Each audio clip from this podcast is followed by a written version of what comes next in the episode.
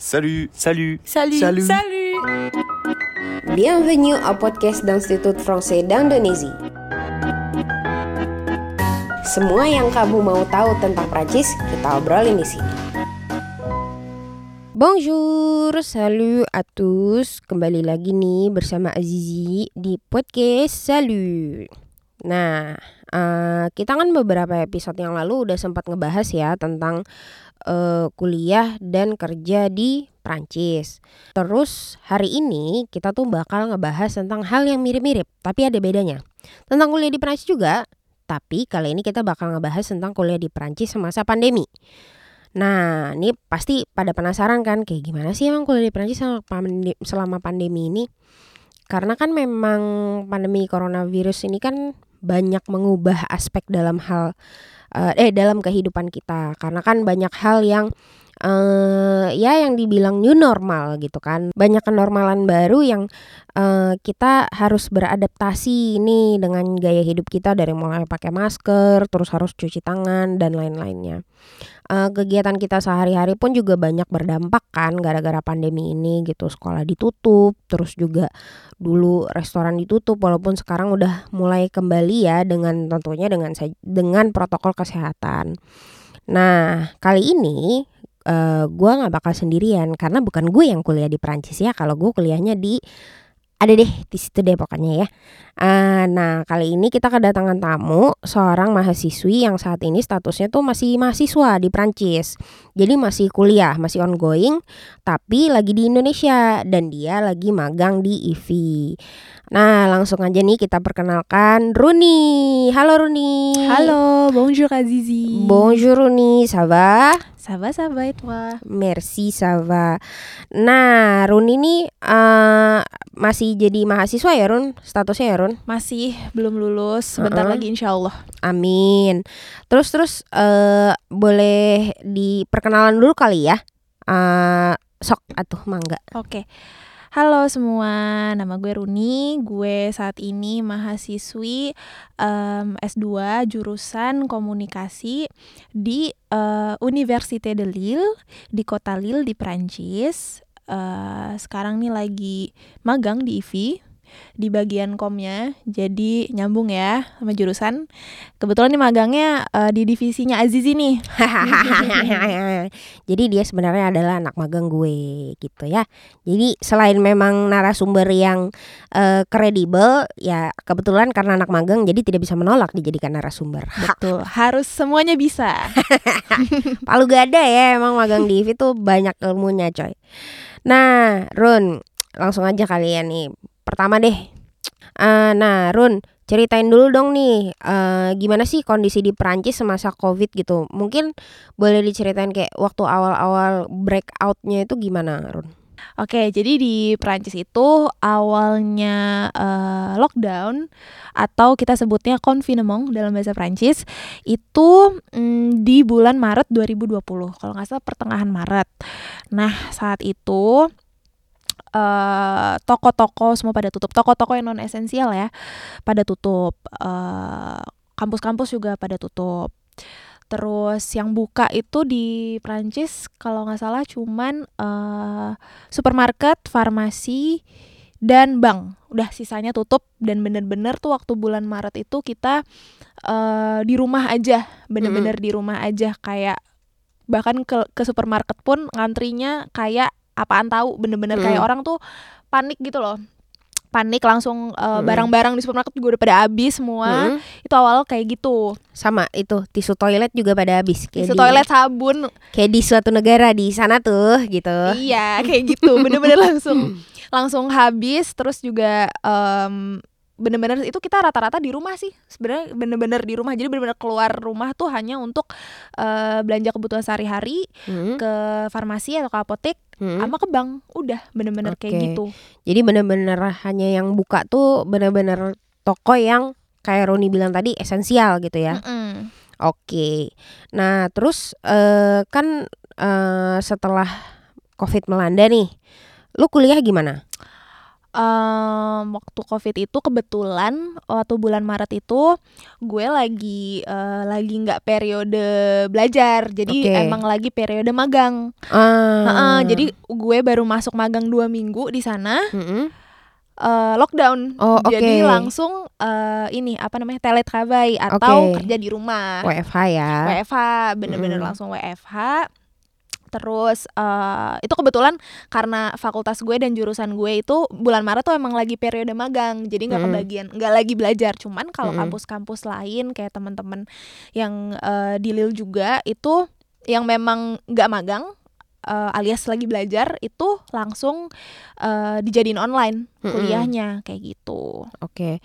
Tapi berarti lu teletravail ada ini nggak ada maksudnya lu waktu itu magangnya magang apa nih? Di bidang apa dan kerjanya ngapain? Oh, em, waktu itu gue magang eh, komunikasi yang pasti karena kan Mm-mm. memang harus sesuai dengan jurusan Mm-mm. di em, perusahaan IT di Kota Mm-mm. Lil. Mm-mm. Eh, jadinya WFH, Mm-mm. eh, nggak masuk kantor sama sekali. Oke. Cuman nih eh, waktu bulan sekitar bulan Juni itu kita udah nggak lockdown lagi. Jadi dibukanya tuh secara berkala gitu loh lockdownnya. Jadi dilonggarin yang eh, kantor udah mulai boleh masuk di bulan Juni kayak gitu. Cuman Mm-mm. kalau kampus kan Juni memang lagi libur musim panas jadi ya emang enggak gitu loh kalau Hmm. kampus tuh Juni tuh ya kosong aja Mm-mm. nah yang kantor-kantor tuh udah uh, mulai masuk di bulan Juni sementara magang gue tuh cuma sampai awal Juli Oke. jadi bener-bener cuman kebagian masuk kantor dua minggu pertama sebelum Heeh. lockdown dan dua minggu akhir uh, waktu lockdownnya dibuka Oke. kayak gitu. Jadi total cuma sebulan ya masuk kantor ya. Heeh. Tapi untungnya perusahaan IT jadi semuanya bisa dikerjain secara teletravail ya. Mm-mm, betul Nah, kan lu berarti waktu awal Covid nih lu lagi magang ya. Berarti Mm-mm. lu ngerasain gak sih tapi kuliah online pas selama di Prancis? sebenarnya ngerasain Oke. Eh, itu di bulan September 2020. Jadi tuh sebenarnya waktu yang tadi gue bilang nih yang Juni dibuka, Mm-mm. eh, lockdownnya dibuka, kan kalau di Prancis itu kan ada budaya liburan musim panas ya kayak Betul. keluarga-keluarga tuh Mm-mm. pada liburan lah, liburan musim panas. Nah, Mm-mm, mm-mm. setelah eh, liburannya selesai, itu angka eh, kasus COVID di Prancis tuh naiknya parah banget, bener-bener Iya, parah sampai beda-beda tipis sama kayak kita kalau lagi lebaran ya. Iya, tapi ini Ha-ha. bener-bener bisa nyentuh kayak 50 ribu sehari itu bisa Oke, banget. ha-ha. Nah, gue sempat masuk kampus nih. Jadi September itu em, kampus tuh masih kayak ibaratnya masih maksa lah. Oh ya udah deh nggak apa-apa masuk, Masuk dulu, aja, dilihat dulu, ha, eh, iya. dilihat dulu. Eh ternyata eh, sebulan eh, masuk lockdown lagi. Jadi Oke. diumumin lagi dari presiden bahwa akan lockdown lagi. Jadi Mm-mm. lockdown gue akhirnya di situ ngerasain yang namanya online class dari eh, Oktober Mm-mm. Oktober akhir sampai eh, sebelum gue ke Indonesia sampai bulan eh, Maret akhir gitu. Nah, lu sendiri nih ngerasain kuliah online gimana Run? Maksudnya eh, plus minusnya apa? Dan apalagi kan lu kuliah di negeri orang ya dan bukan pakai bahasa ibu lo sendiri gitu loh. Menurut lo gimana? Em, kuliah online di Perancis ya standar mungkin sama sih kayak di Indo Mm-mm. kita pakai Zoom. Oke. eh Sebenarnya kalau misalkan kayak bahasa Perancis gitu ya, Iya. udah pasti kan lebih em, lebih jelas kalau kita ketemu langsung ya sama teman-teman dan sama dosennya. Itu kan Mm-mm. gimana ya artikulasinya tuh lebih lebih jelas lah. Iya. Lebih jelas. Terus kalau di zoom kan mungkin adalah ada aja gangguan teknis atau misalkan eh, sinyalnya putus-putus atau apa. Iya. jadi kadang tuh kalau temen lagi ngomong atau dosen lagi ngomong tuh kayak ada aja keputus-putus aduh nih orang ngomong apa? Gitu. Pasti Gua ada nggak aja. denger lagi tadi gitu kan. ada aja kayak Mm-mm. gitu. Nah em, kalau plusnya sih jadi eh, kalau eh, jadwal kuliah sendiri sih tetap tetap sesuai dengan jadwal kuliah yang udah diprogramin dari awal sama kampusnya. Jadi walaupun online tetap jamnya tetap ngikutin eh, yang udah eh, direncanain dari awal. Jadi nggak ada tuh yang namanya eh, yaudah deh gara-gara online jadi dipotong jamnya Ha-ha. jadi lebih bentar waktu belajarnya. Nggak ada sama sekali kayak gitu. Tetap Oke. sama aja.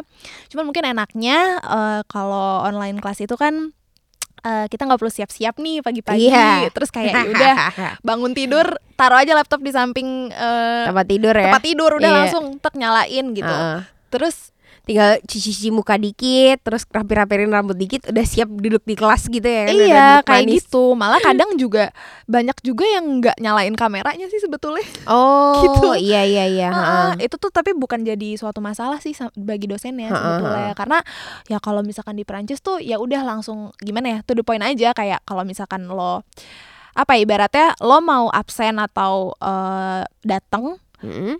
Ya itu em, apa ya kalau lo datang ke kelas itu manfaat buat lo cuman Iya. kalau misalkan lo nggak masuk ya udah lo yang rugi jadi iya kayak nggak ada tuh nilai kehadiran atau Iya. nilai setor muka di webcam gitu nggak ada Ah, sama sekali kayak oke. gitu kayak gitu sih Ha-ha, berarti tetap maksudnya eh ya emang itu gaya-gaya lo kalau eh gaya kuliah di Prancis ya gitu kan Mm-mm. maksudnya dosen itu memang membebaskan lah gitu. Maksudnya absen itu bukan sesuatu hal yang mungkin bisa dibilang kayak wajib gitu. Tapi dari kesadaran diri lo sendiri gitu kan. Apalagi kalau misalnya lo dari negeri lain lo jauh-jauh datang ke Perancis buat kuliah masa lo cuman ibaratnya tisen doang kan? Hmm, cuman tips. ya, ya cuman tipsen doang gitu kan sama eh, pas di kelas gitu kan. Ya udah biar hadir aja gitu. Tapi gua nggak dengerin dosen gue yang ngomong apa gitu kan. Ya yang rugi lo sendiri sih gitu kan. Ya kalau kata dosennya gue sih nggak rugi gitu yang rugi kalian gitu kan Nah, cuman eh, mungkin nggak enaknya online class tuh menurut gue em, apa ya? Kita nggak bisa interaksi secara langsung sama dosennya. Kalau gue person- personal sih eh, misalkan kalau gue ya kadang ya kalau di kampus Mm-mm. dulu waktu eh, masih kuliah tatap muka, kadang Iya. tuh gue tuh ada pertanyaan-pertanyaan personal Iya. yang gue tuh nggak kepengen nanyain itu depan eh, teman-teman gue. Jadi Mm-mm. biasanya eh, kelas udah selesai, Mm-mm. gue tuh nyamperin dosennya ke depan untuk Iya. nanya hal-hal yang emang mau gue tanyain yang gue nggak Heeh. mau teman-teman gue denger. Heeh. Cuman kalau misalkan online kelas kayak gini kan ya jadi apa yang kita tanya itu udah pasti didengar lah sama sama teman-teman semua orang ya sama semua orang Mm. di mana tuh gue sebenarnya agak nggak nyaman kayak Mm-mm, gitu oke. gitu apalagi kalau pertanyaannya personal maksudnya eh, personal banget lah gitu kecuali Iya. emang pertanyaannya umum banget ya gue Mm-mm. biarin aja lah kalau kayak gitu kayak Mm-mm. gitu sih Oke, nah tapi kalau misalnya selama pandemi kayak gini nih dan eh, selama kuliah online, lu eh, dosen-dosen lu kayak lu kan lagi nulis ini ya, eh, lagi waktu itu pas lu masih di Prancis lu udah mulai nulis tesis kan? Udah. Nah, berarti kan lu harus kontak-kontakan ya Mm-mm. sama dosen lo kan? Lu dosen lu tuh susah nggak sih di dihubunginnya selama pandemi kayak gini? Lebih sulit nggak? Karena kan kalau misalnya kita ketemu langsung kan tinggal ketemu gitu maksudnya di kampus terus Nyamperin pak," ya, gitu kan? Iya. ha. eh kalau lagi pandemi gini sih sebenarnya eh, mereka sangat ini ya responsif di email Oke. ya udah jadi ya email-emailan kalau misalkan Mm-mm. mau set eh, apa namanya eh, rendezvous atau Mm-mm. apa sih kalau mau janjian sama dosennya untuk eh, eh kita ini eh, apa namanya zoom mau Mm-mm. ngomongin ini tuh juga bisa banget gitu Mm-mm. untungnya sih dosen-dosen di kampus gue gitu terutama dosen pembimbing gue ini Mm. banget apa reaktif banget lah Mm-mm. gitu Boleh disebutin namanya Madam siapa atau Monsieur siapa? Madame Celine Matuzak Je vous aime ya Madam ya. Nah, terus kan tadi kalau di Rich ternyata eh, dihubungin cukup gampang ya melalui eh, email gitu. Mereka sangat responsif di email. Nah, kalau misalnya selama kuliah online ini kan di selama masa pandemi ini pasti kan ada kesulitan-kesulitan tersendiri ya. Gue gue kurang tahu juga sih apa entah mungkin kayak lu kesulitan mungkin internet koneksi internet lo di di apartemen eh, lagi down atau semacamnya yang kayak gitu. Nah, itu sama hal-hal yang kayak gitu. Itu dosen-dosen lo gimana nanggepinnya? Mereka cukup mentolerir nggak soal-soal hal-hal kayak gitu? Iya sih ya banget. Maksudnya banyak lah teman-teman yang teman-teman gue yang eh, ada masalah koneksi ya di apartemennya lagi kedatangan eh, apa namanya eh, tukang internet lah apalah gitu mm-mm. loh. Maksudnya eh, yang nggak bisa tiba-tiba nggak bisa join kelasnya gitu ya ya nggak apa-apa banget. Cuman kan Oke. Itu udah balik-balik ke kita yang Mm-mm. ya udah kita minta catatan ke teman gitu loh Hmm. kayak gitu sih paling sama paling kalau misalkan lagi misalkan eh, kita kan biasanya tugas-tugas kampus eh, ujian itu tuh eh, kerja kelompok kan Jadi Hmm. bener papernya juga paper kelompok, Hmm, terus hmm. juga project-project kelompok. Jarang banget kalau di kampus gue yang tugas individu gitu. Mm-mm. Nah, Kan kalau misalkan dulu waktu masih kuliah tatap muka, kan kerja kelompok ya kita beneran kerja kelompok. ketemu ya. Ketemu bareng Mm-mm. kayak oke abis kelas janjian Mm-mm. eh, ini ngerjain di eh, apa bibliotek gitu di Mm-mm. perpustakaan kita ngerjain bareng. Cuman kalau misalkan di sini kan eh misalkan lagi lagi pandemi gini kan nggak bisa kayak gitu kan Betul. kayak gitu dan biasanya kalau lagi eh, satu mata kuliah gitu misalkan deh kita lagi belajar satu mata kuliah itu tuh pasti ada sesi eh, kerja kerja kelompoknya gitu Mm-mm. even lagi kuliah tatap muka itu juga ada sesi eh, kerja kelompok gitu jadi misalkan let's say kelas 2 jam satu jam di pemaparan teori, satu jam kerja kelompok kayak gitu. Jadi kita dipencar.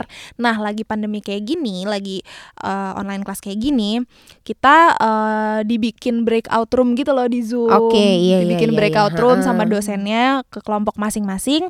Nah, kalau misalkan eh, ya udah, misalkan kita ada kesulitan, ada hal-hal yang mau ditanya, nanti dosennya tuh pasti keliling, keliling, si- keliling breakout roomnya ya. keliling breakout roomnya Mm-mm. kayak gitu. Jadi mm, tetap mereka tetap eh, ini sih tetap eh, perhatian juga sama kita gitu loh. Mm-mm. Oke, nah, oh iya, lu kan tadi eh, kebetulan pas corona melanda nih, kan lu lagi magang ya. Susah gak sih nyari magang atau cari kerja ketika lagi pandemi kayak gini?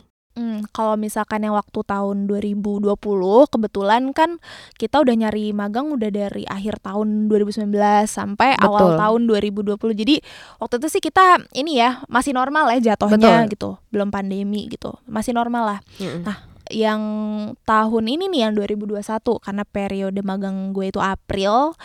Terus berarti Betul. kan harus ya nyari magangnya berarti semasa pandemi itu dong Iya. ya kan dari Ha-ha. 2020 2021 Mm-mm. Itu jujur beda banget sama waktu uh, gue nyari magang di sebelum pandemi. Beda banget maksudnya Oke, em, apa ya lowongan nggak sebanyak waktu nggak pandemi itu pertama iya. dan yang kedua kalaupun ada ya sekalinya ada udah pasti saingannya jauh lebih banyak ya Mm, kayak mm, gitu loh mm. walaupun sebenarnya lowongan tuh selalu tetap ada kok Mm-mm. lagi masa pandemi gini kayak Hmm. gitu sih eh apa namanya cuman emang karena kebetulan gue dari eh, awal rencana kalau di tahun terakhir ini mau magang di Indo ya gue nggak terlalu nyari juga sih lowongan Iya. magang di sana gitu loh cuman Hmm, hmm, waktu gue cari sih ada masih ada kok Hmm, ada hmm. banyak gitu Mm-mm. Eh, beberapa kali juga interview. Cuman eh, apa namanya karena emang udah rencana dari awal mau di Indo dan mau di IVI ngincer di IVI jadi ya Mm-mm. apa namanya udahlah langsung aja gitu di Indo. Ternyata- langsung rencana pulang gitu. ternyata jodoh juga ya dapat akhirnya. Jadi di pulang kampung. Nah pertanyaan terakhir nih Ron paling penting nih pasti pada mau dengar banget nih teman-teman yang bakal berangkat untuk kuliah di Perancis eh, di tahun ini ya Eh, tips dan saran dari lo untuk kuliah semasa pandemi di Perancis gimana Ron? Oke, tips dan saran dari gue untuk yang bakal kuliah semasa pandemi di Prancis, mungkin eh, gue bisa kasih saran kalau kuliahnya online dulu gitu ya. Iya. Kalau kuliahnya online, menurut gue eh disimak tetap ya walaupun kita online, tetap disimak. Iya benar-benar. tetap disimak tetap tetap catat lah gitu loh tetap Hmm. ada yang dicatat kayak Hmm. gitu dan eh, apa ya kayak kerja kelompok kerja kelompok sama temen yang dilakuin online juga tetap maksudnya kita juga tetap harus eh, kontribusi secara full gitu loh Iya. kayak gitu even eh, eh walaupun itu online Mm-mm. Nah, kalau misalkan eh, punya kesulitan, ada yang mau ditanya ke dosen, menurut gue eh, email gitu loh, email. Maksudnya kalau malu untuk nanya langsung di Zoom gitu ya, Iya. tanya ke dosennya lewat email gitu. Karena menurut gue udah pasti banget mereka bakal ngebantu karena tuh Mm-mm. mereka juga ngerti gitu loh keadaan keadaan kita Iya. yang nggak bisa ketemu sama mereka di kampus gitu. Mm-mm. Jadi apa ya pasti kan banyak hal-hal yang mau ditanyain lah atau apalah ada ada Iya. yang ngeganjel atau apa Mm-mm. gitu. Maksudnya Apalagi gue dengan bahasa yang berbeda itu ya gitu. iya betul gitu loh. Eh, gue sih lebih nyaman email gitu loh. Maksudnya Betul. udah email aja, panjang juga nggak apa-apa gitu loh. Hmm. Kayak gitu sih. Sama sebenarnya em, tips dari gue biar lebih seger belajarnya lagi eh, kuliah secara online tuh mandi dulu sih pagi. Oke. Soalnya eh, efeknya beda banget karena gue keseringannya Iya nggak apa-apa gue hanya sering cuci muka dan itu segar.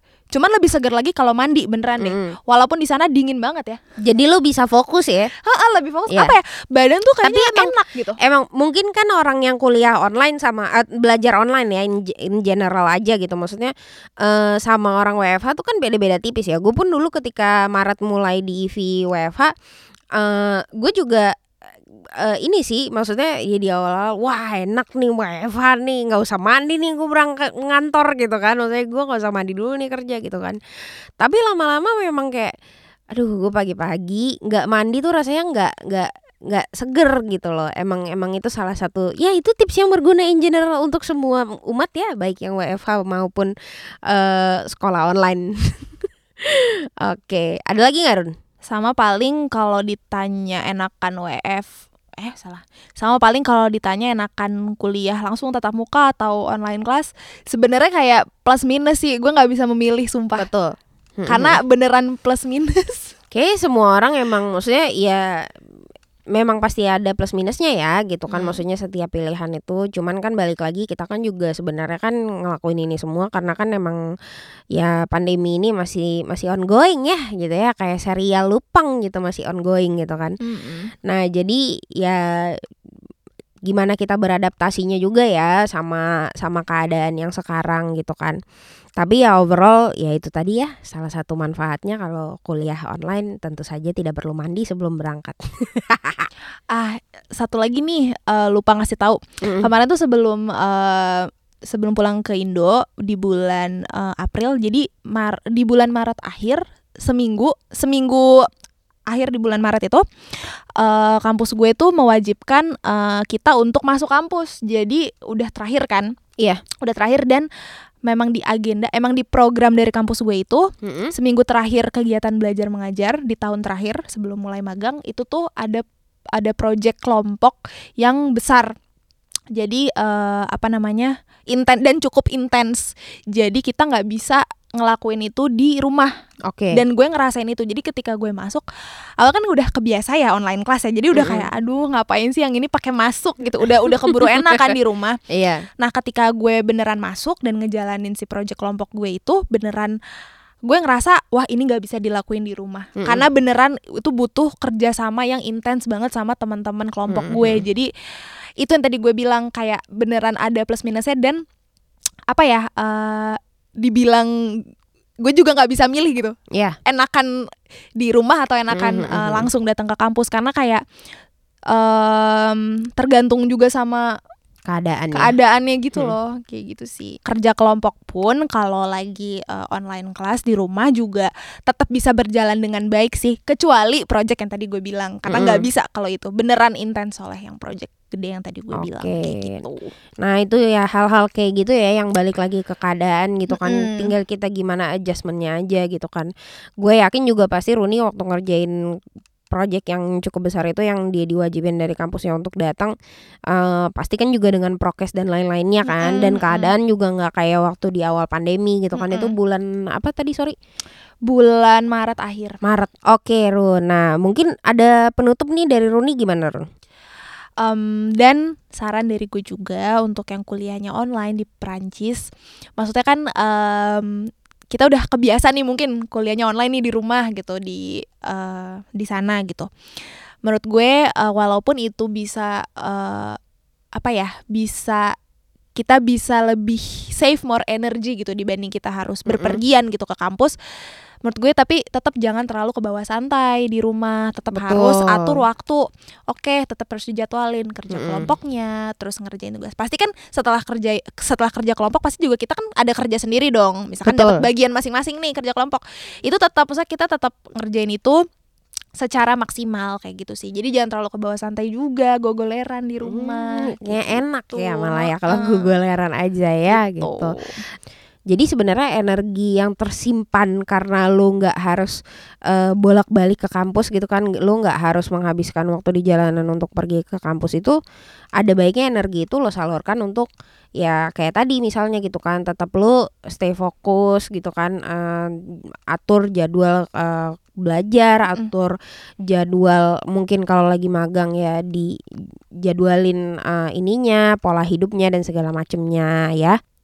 Nah, selain itu juga sebenarnya gue berharap di tahun ajaran baru tahun ini uh, kalian yang mau kuliah ke Perancis bisa kuliahnya uh, tatap muka aja ya gitu kan. Mm-mm. Baru nyampe nih ke Perancis pasti kan uh, mau Ketemu dong temen baru uh-uh, ya ketemu kan? teman-teman Ha-ha. baru, ketemu dosen-dosennya, ngelihat Mm. sekeliling kampus gimana betul betul betul kayak gitu, sih. Oke, baiklah kalau begitu. Terima kasih banyak Runi sudah datang dan berbagi pengalamannya tentang kuliah di Perancis selama pandemi. Merci beaucoup. Merci Azizi. Nah, buat kalian nih yang pada dengerin podcast Salu, kalau misalnya kalian punya kritik, saran atau misalnya request buat eh, podcast Salu, misalnya kayak, "Kak, aku request dong bahas tema A" gitu. "Kak, aku request dong undang si C" gitu misalnya.